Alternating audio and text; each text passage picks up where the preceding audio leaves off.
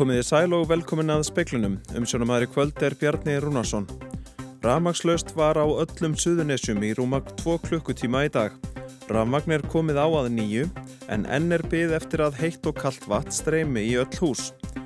Hjúgrunafræðingur sem ákerð er fyrir að verða sjúklingi á geðdelt að bana neytar sök. Hún er ákerð fyrir að þvinga næringadrykk ofan í sjúklingin. Breska ríkistjórnin hefur beitt neitunarvaldi til að koma í veg fyrir að frumvarpum kynrænt sjálfræði verði að lögum.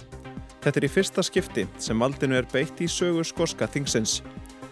Áallunum að hér verði reysinn þjóðarhöll hösti 2025 á að geta haldið ef ekki koma upp óvendar tafir, segir formaður framkvæmdanemdar. Barna og mentamálar á þeirra bendur á að hinga til hafi tímalína sem kynnt var í fyrra haldið. Skipting 15 miljardar byggingakostnar millir ríkis og borgar er þó enn ekki afráðin. Einn allrandasti glæpafóringi ítölsku mafjunar var handtekinn í morgun. Laurugla hefur elst við, elst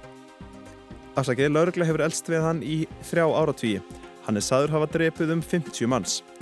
Ísland leikur sem stendur við suðu kóriumenn á heimsmestramótunni í handbólta. Útlitið er gott fyrir íslenska leiði þegar setni hálflugur er að verða hálnaður.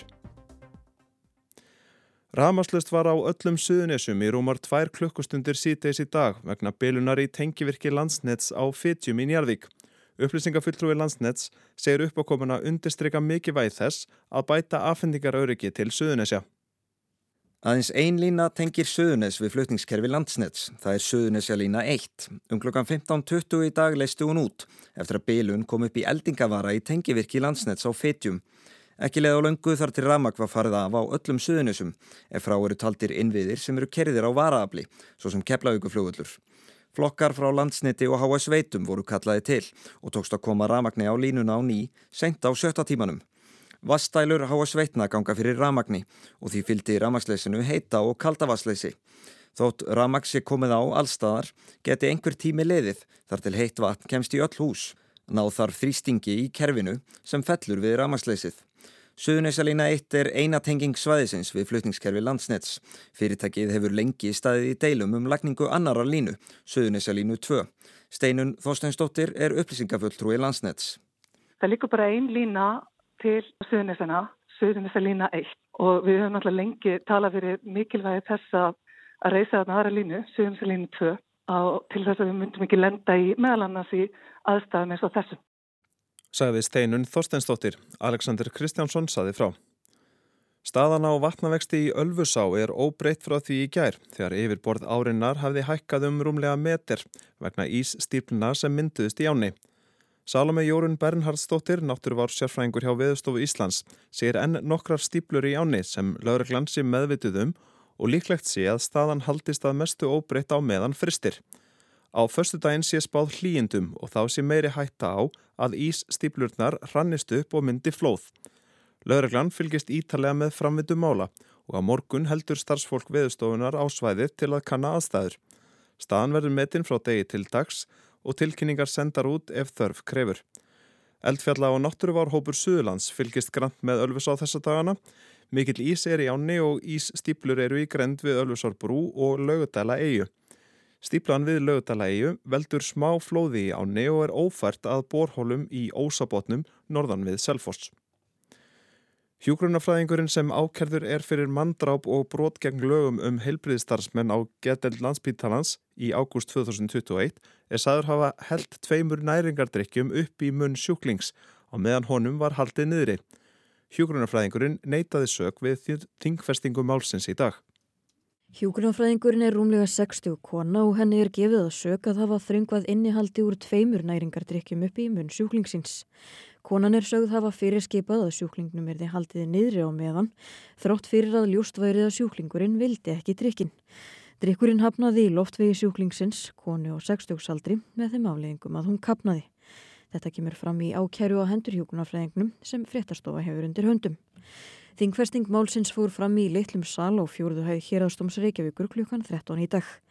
Hjúkunafræðingurinn lísti þar yfir sagleysi sínu og verjandi hennar hafnaði á sama tíma engaréttarkröfu fjölskyldu hennar lotnu. Krafan hljóður upp á 15 miljónir króna í miskabætur, um 760.000 krónur í útfarakostnað og málskostnað. Sigriður Hjaltesteð héraðstómari lísti því að dómur í málinu er eða líkendum fjölskeipaður með tilliti til bráðalækninga. Viljálmur Há Viljálmsson verjandi hjúkunarfræðingsins sagðist telja nöðsynlegt að dómurinn erði skeipaður sérfróðum með dómendum, helst lækni og hjúkunarfræðingi. Rannsókn lauruglu var gríðarlega umfangsmikil. Tveir heilbreyði starfsmenn sæta nú rannsókn vegna grunnsum mandráp, annars vegar umrætur hjúkunarfræðingur og hins vegar fyrirverandi læknir og heilbreyðistofnun Suðurnesja sem talinir hafa búrið ábyrð átuðisföllum nýju sjúklingar sinna með tilefnislausum lífsloka meðferðum. Sunna Karin Sigurþórsdóttir saði frá. Ríkistjórn Breitlands hefur beitt neitunarvaldi til að stöðva frumvarp um kynrænt sjálfræði í Skotlandi í fyrsta skipti í sögurskoska þingsins. Fyrstir á þeirra Skotlands segist vera tilbúin að verja frumvarpið fyrir hæstarétti. Í síðasta mánuði samþykti skoska þingið frumvarp um kynrænt sjálfræði sem gerir það auðveldara og fljótlegra að breyta kynskráningu sinni í Skotlandi. Krafa um sjúkdómsgreiningu á kyn-ama verður fælt niður og 16 til 17 ára úlingum verður liftað breyta kynskráningu sinni. Nú hefur ríkistjórn Rísis Súnag fórsetisar á þeirra Breitlands beitt neitunumvaldi til þess að frumvarpið verði ekki að lögum. Þetta er í fyrsta skipti sem fórsetisar á þeirran beitir því valdi síðan skóska þingið var stopnað árið 1999. Þá er talið að frumvarpið geti haft neikvað áhrif á starfsemi réttaríkisins. Sangan talsmanni Bresku ríkistjórnarinnar höfðu ráð þerrar áhyggjur að því að frumvarpið ógni öryggi kvenna og að það samrýmist ekki lögum um jafnrétti. Nikola Sturgeon, fyrsti ráð þeirra Skotlands, segist þeirra tilbúin að verja frumvarpið fyrir hæstarétti. Mikil tókstreita er á milli stjórnvalda í Skotlandi og í Lundunum eftir að þjóðar atkvaðagreðsla um sjálfstæði Skotlands var kæfð fyrir tæplega tveimur mánuðum. Pétur Magnússon tók saman. Tæplega 200 millilanda flugferðir verða farnar um akureyra-flugvell á árinu og á þriðjatug flugferða um eigilstaðaflugvell. Það er met fjöldi millilanda flugferða um vellina. Sigrún Björk Jakobsdóttir, framkvæmdastjóri í Savia innanlandsflugvalla, segir að megin ástæða þessarar fjölgunar í millilandaflugi sé aukin áhugi ferðamanna á þessum landslutum og þeim náttúru perlum sem þeir hafa upp á að bjóða. Edelweiss, Condor, Transavia Holland og Nice Air eru þau flugfjölug sem sjá tækifæri í að fljúa frá meginlandi Evrópu til Akureyrar og Egilstaða.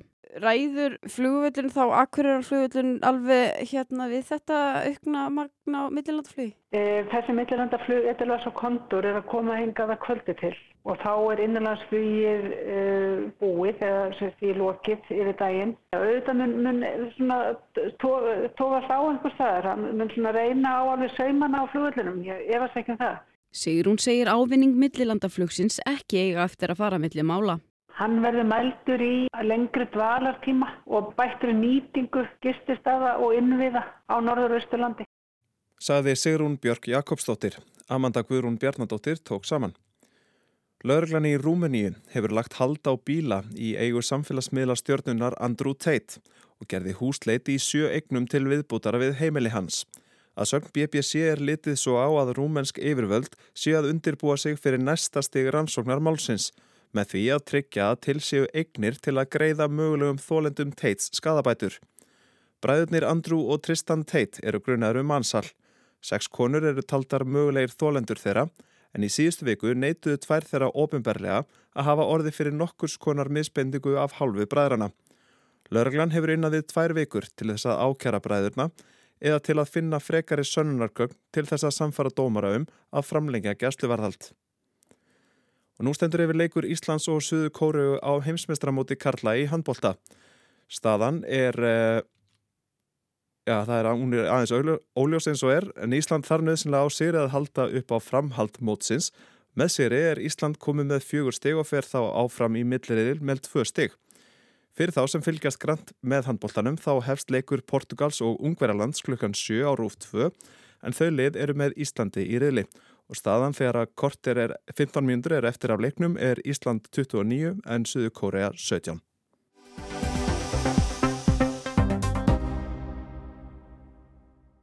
Hátt í 20.000 fermetra þjóðarhöll á að rýsa á næstu árum í Laugardal, ofan við gömlu Laugardalshöllina og aðkoman snýra Suðurlandsbraut. Hún á að taka alltaf 8.600 í sæti og 12.000 á tónleikum. Húsin ætlaða stórbæta aðstöð fyrir fjölmarkar íþróttagreinar og verða fjölnota hús fyrir þjóðina alla, eins og segir í tillögum framkvæmda nefndar. Í morgun kynntu forsættisar á þeirra, menta og batnamálar á þeirra, borgarstjóri og form formaði framkvæmda nefndar stöðuna og næstu skref. Kostnaður við byggingunni talin verða um 15 miljardar króna en ekki að fullu afráðið hvernig sá kostnaðu skiptist millir ríkis og borgar. Forsættisráð þeirra vísa til þess að kostnaðu við byggingu hörpu hafi skipst nokkun veginn til helminga millir ríkis og borgar og á svipöfnótum talar formaður framkvæmda nefndarinnar. Borgarstjóri segir og snemt að tala um það hvernig skipta í útgjöldunum en burt sér frá fjármögnunni eru miklar vonir bundnar við þjóðarhall. Hún er í raun og veru hugsu sem miðstöð fyrir afreiksfólk hvaðan af af landinu. Hún er líka hugsu sem miðstöð fyrir börn og ungmenni hér á höfuborgarsvæðinu og ekki síst þau sem eru í nágrenni þessarar þjóðarhallar. Það er líka hugsun á bakvið þetta verkefni að það sé fjölnóta þannig að önnur starfsemi sé möguleg og sérstaklega rætt til dæmis um tónleikahald og annað slíkt. Þannig að þarna er verið að horfa á markþætt notagildi en fyrst og fremst erum við að hugsa um að búa betur að aðristarfinu okkar annars vegar og hins vegar æfingum, batna og ungmenna. Nú er þetta náttúrulega mjög laung umræða, við erum mjög lengi kallað eftir þjóðarhöll og, og landsleistjálfarni í handbólta var nú ansið pyrraður hérna í april í fyrra og sagði að það var bara þjóðarskömm að þjóðarhöllin væri ekki risinn.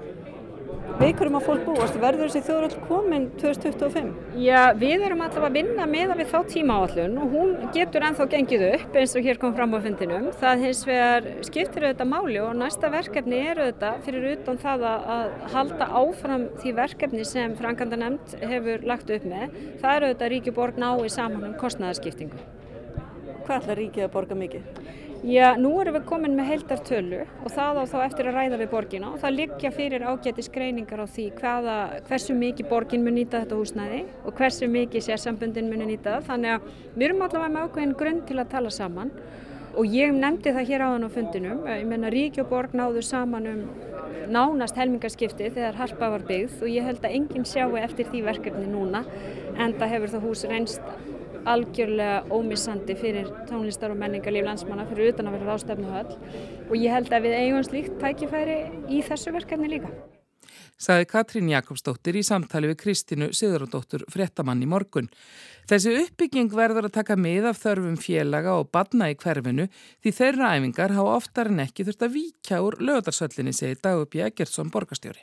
Við hefum verið í, í bísnamiklum samtölum við Íþróttafélaginu í Dalnum og borgin hugsaður þetta út frá þörfum barn og unlinga í Laugadal en þetta líka annars ára höfuborgarsvæðinu, sérstaklega í Laugadalnum því að þar vanta betra aðstöðu og félagin hafa ekki nægilega goða reynslu af sambílinu við Íþrótt á síningahöllina sem núna er í Laugadalshöllinni vegna þess að æfingar hafa verið víkjandi. Þannig að þá vaknar spurningin með tilkomu þjóðarhallar hvernig er hægt að tryggja það á hverjum tíma sé hægt að koma til móts við þarfir fyrir æfingar og auka fyrirsjánleika og æfinga öryggi. Og núna verða þetta ekki 1-2 æfingagólf heldur 6 og samspil þessara bygginga ætti að geta gert þetta framúsgarandi en við viljum vera viss þannig að núna á greina það hvernig tímatöflunar geta spila saman til framtíðar. Náttúrulega, þetta er orðið aldrei langt samtal um þjóðarhöllina mm. og sérstaklega um kostnæðarskiptingu millir ríkis og borgar. Ertu bjarsinn á að þið náðu svona ásættilega samkommulegi um það? Já, annars værim við ekki hér. Megin línuna sem við lögðum strax í upphafi var að sá kostnæði sem leiti af þjóðar leikvangs hlutverkinu. Það er að segja áhörða aðstæðan, fjölmila aðstæðan og aðstæðan fyrir landslið. Það væri svolítið ríkisins en það sem snýra börnum og ungmennum í lögadalunum og skólunum og slikt að það væri borgarinnar. Síðan þurfum við þetta að setjast yfir þetta og, og það er öruglega hægt að þrátta um svona mjög lengi á niðurstöðu en ef að allir eru einbettir í að, að lenda málunu og, og þoka því áfram að, að þá efast ég ekkit um að við komumst að niðurstöðu. Egið ennþá þess að 2 miljardar sem þið tóku frá? Já, já, þeir eru á okkar fjárfestinga áallun og núna þurfum við að taka samtalið og fá niðurstöðu og helst sem allra fyrst því að tíma áallunum fyrir verkefnið er bísna knöpp og gerir ráð fyrir því að, að við klárum þetta samtal núna snemma á þessu vori. Hvað séu fyrir að borgar borgin helming af þessu? Ég get ekki svarað því núna og myndi ekki svarað því. Ég vil þó ég væri með einhverjar hugmyndir því að núna þurfum við að setjast niður með ríkistjórninni og, og ná saminleiri niðurstu. Ásmundur Einar Daðarsson, menta og barnamálar á þeirra, segir stemt að því að tvinna saman hagsmunni og þarfir íþróttana og skóla og nærsamfélags.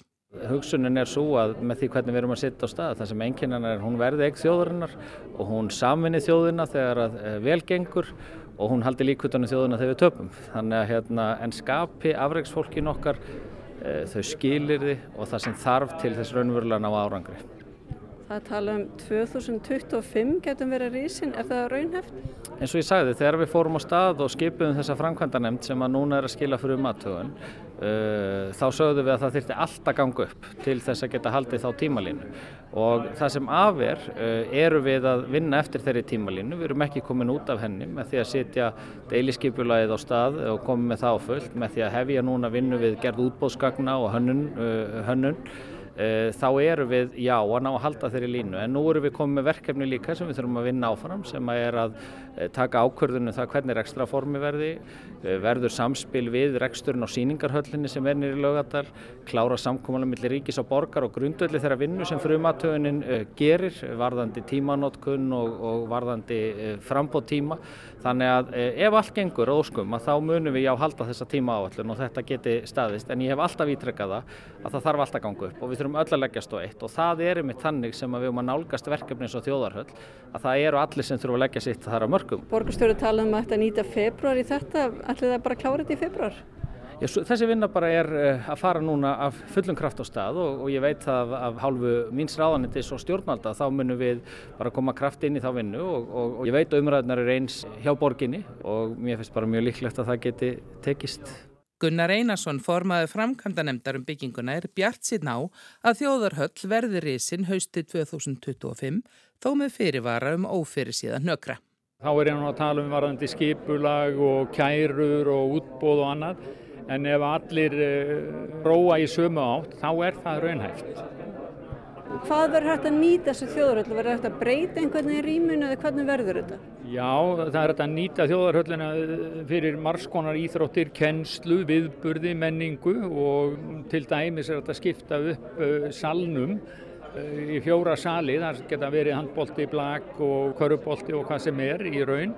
Nú síðan munum við huga mjög vel að gólfinu þannig að það sé að skipta því út eða breyta því sem að uppbylli þá kröfu einstakra íþrótt að greina. En öll þessi útvæsla er auðvitað eftir og er svona verkfræði útvæsla. En við höfum séð þetta í öðrum höllum í útlöndum og þetta er allt saman hægt og nú bara hefst þessi vinna við forvaldsgögnin og síðan þegar við erum búin að velja aðila með okkur að hanna þetta áfram að þá koma upp öll þessi tæknilu atriði sem við þurfum að uppfylla. Hvað er næsta skref núna?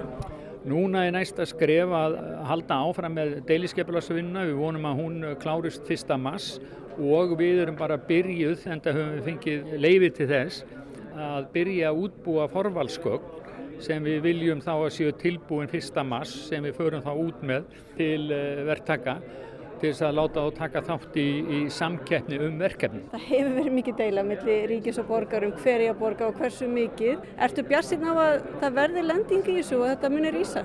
Já, ég er mjög bjassinn á það og eh, við erum búin að skaffa inn í eh, stýrihópin svo kallað sem er að, er að semja um skiptinguna öll hugsanlega gögg, þar sem hægt er þá að taka ákvarðanir Þetta er samfunnverkefni, þetta hefur með ímynd Reykjavík að gera, þetta hefur með ímynd Íslands að gera. Einhvern veginn finnst mér að menn eigi þá að nálgast verkefni með þeim hættu að segja, við gerum þetta saman og oft er nú bara helmingsskipting góð þegar fólk allar að lifa í sátt og samlindi inn í framtíðina. Saði Gunnar Einarsson við Kristínu Sigurðardóttur.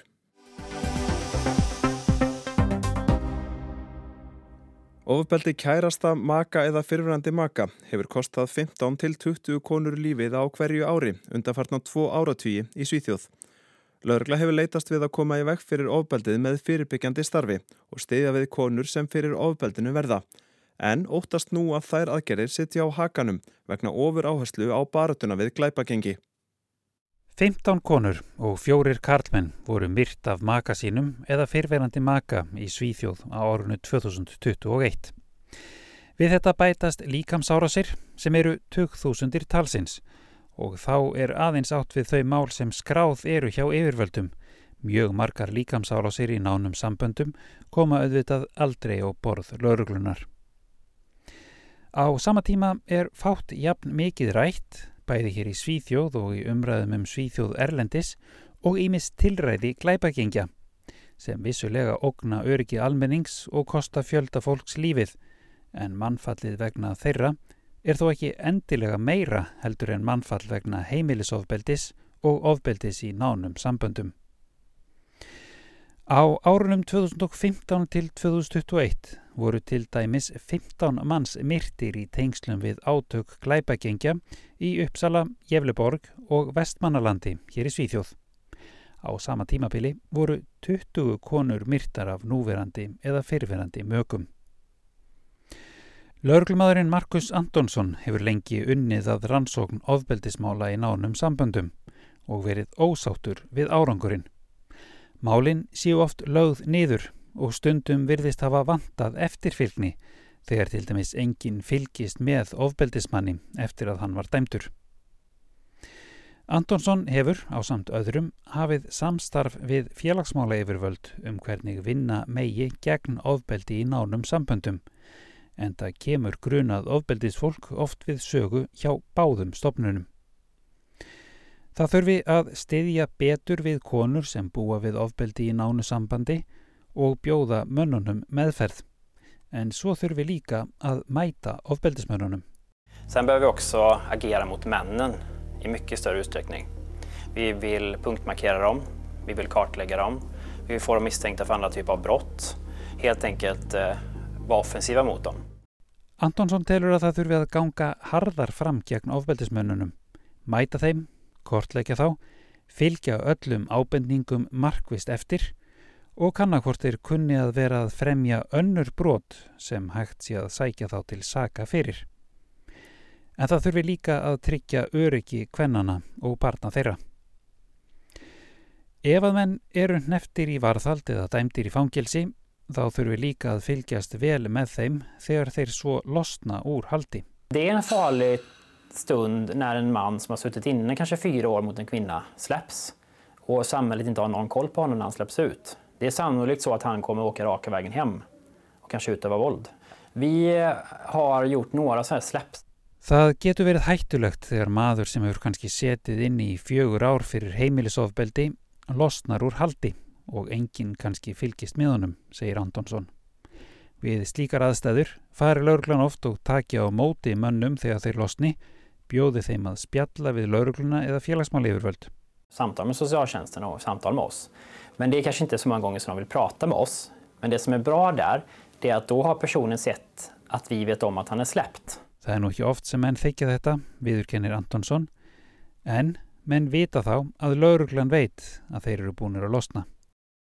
Það getur verið erfitt, mjög erfitt, að fara úr ofbeldissambandi af mörgum ástæðum meðal annars þess sem hér í Svíþjóð er kallað eftirvoldið, eftir ofbeldið, en ekki í tveimur orðum, heldur einu.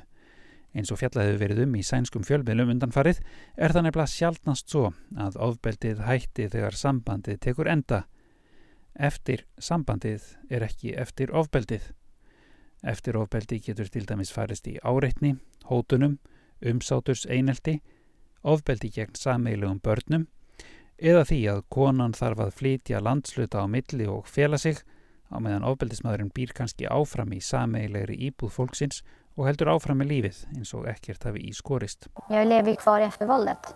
Eh, det är inte jag som skulle behöva flytta på mig. Det är inte jag som ska sitta med de här personuppgifterna som är skyddade och det Ég er först í eftirofbeldinu, segir til að mynda kona sem sænska ríkisútvarpið rætti nýlega við og neytist til að flytja og fara höldu höfði eftir að hún hætti í ofbeldisambandi. Laurglumadurinn Markus Antonsson säger att samfélagið þurfi að stedja konurnar miklu meira en nú er. Jag tycker att vi ska införa ett nationellt lämnarprogram för våldsutsatta kvinnor. Það þurfi prógram á landsvísu sem aðstóðar konur við að komast úr ofbeldisamböndum og stiður við þær og börn þeirra. Antonsson bendir á að bóðið sé upp á stöðning fyrir glæpamenn sem vilja hætta í glæpum og losna undan ægivaldi gengja sem þeir tilhera. Það eigi að vera eins fyrir konur í ofbeldisamböndum. Það sé hægt að draga úr eða hindra ofbeldi í nánum samböndum en þá þurfum við að vinna skipulega yfir lengri tíma. Aftur á móti telur Antonsson hættu á að vinnan gegn kynbundu ofbeldi verði látin sitja á hakanum vegna þeirra ofur áherslu sem lögðir á baróttuna gegn glæpagengjum enda vekja skotárásir og springjuárásir þeim tengt mikinn óta. Að mati Andersson er ofbeldi í nánum samböndum þó alveg jafn gróft og ofbeldi glæpagengja ef ekki enn grófara. Þetta er Kári Kílvason sem talar frá Gautaborg.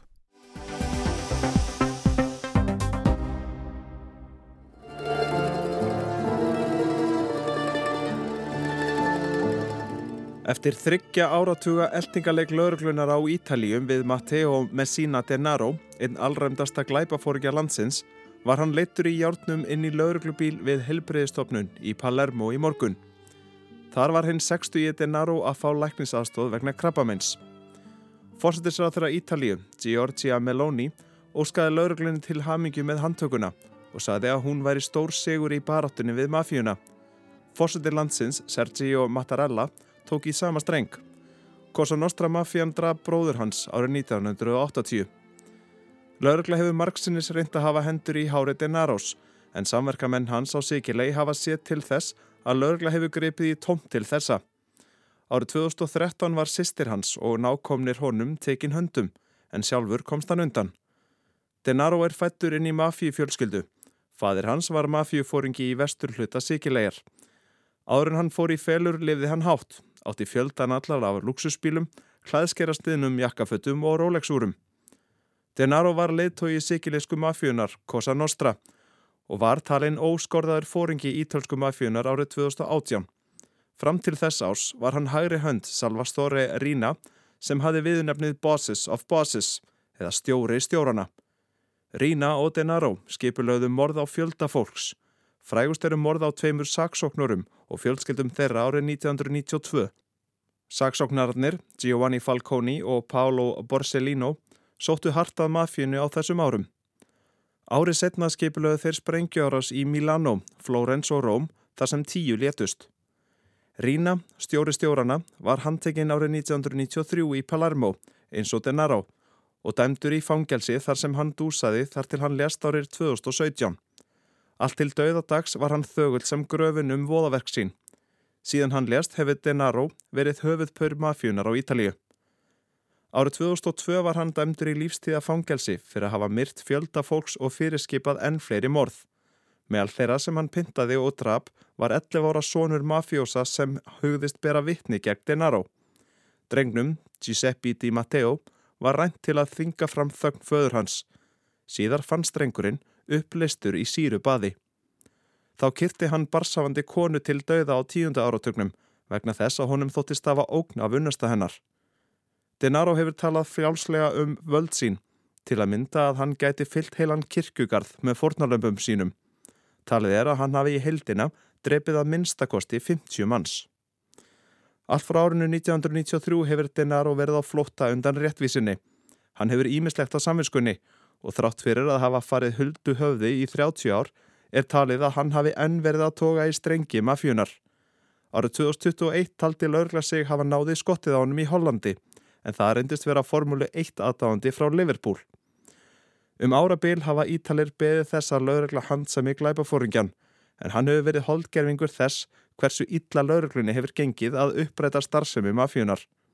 Hann er talin búa yfir upplýsningum um flesta þeirra stórglæpa sem mafían hefur stundað síðustu ár og ára tugi.